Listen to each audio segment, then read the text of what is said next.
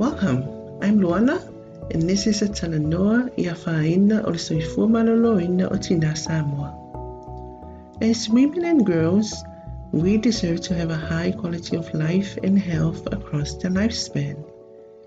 This requires having access to the necessary knowledge to make decisions about lifestyle, to understand our bodies, and to make informed decisions about our health. Unfortunately, many topics are considered too sensitive to talk about easily.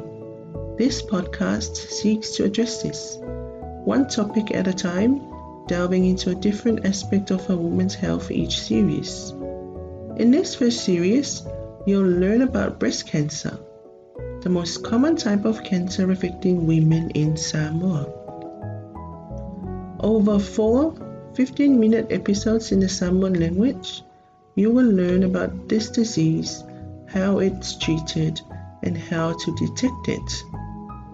You'll meet a survivor of breast cancer, hear how breast cancer affects the body, and be guided through a breast self examination.